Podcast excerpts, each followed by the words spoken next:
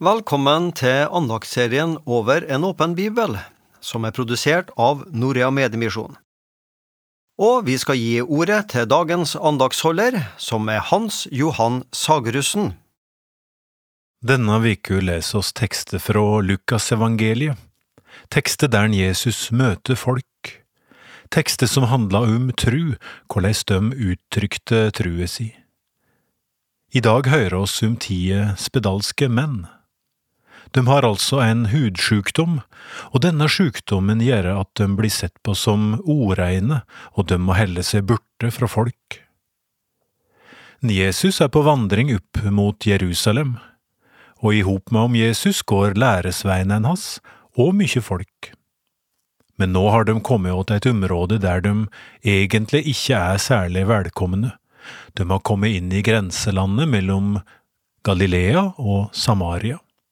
Og samaritanere og jøder har ikke noe med hverandre å gjøre på denne tida.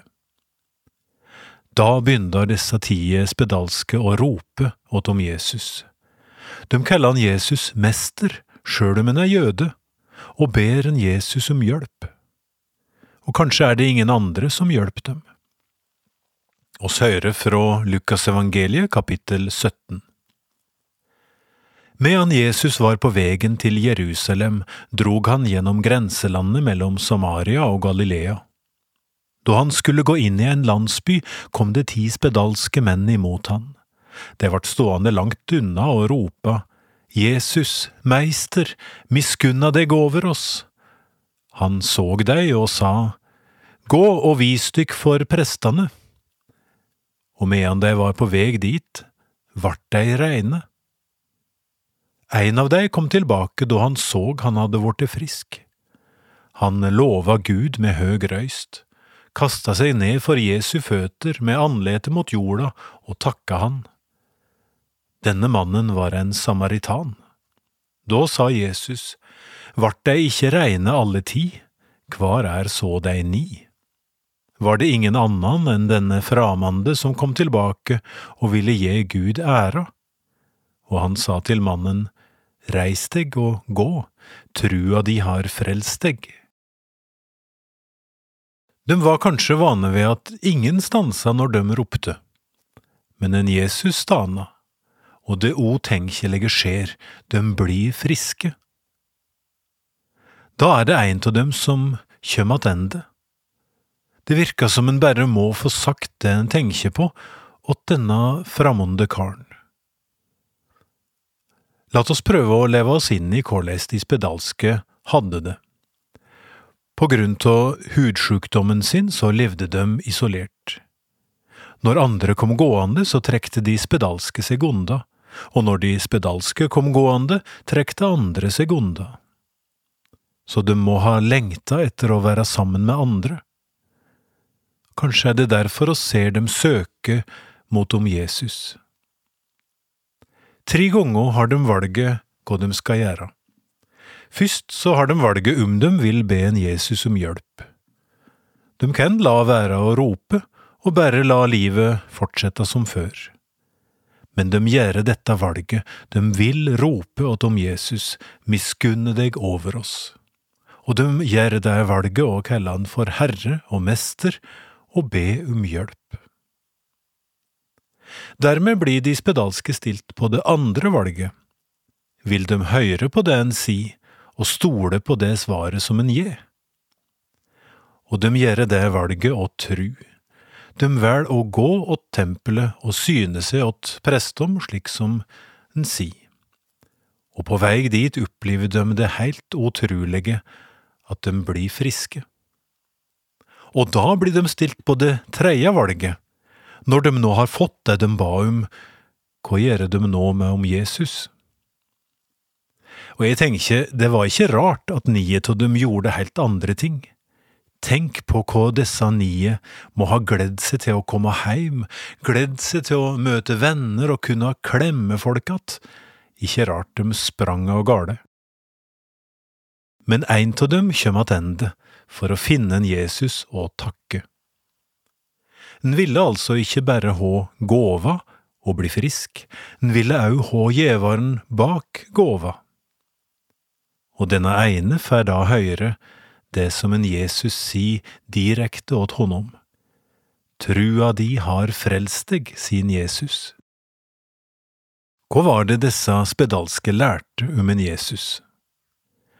Alle tider lærte for det første at en Jesus hørte når de ba og ropte.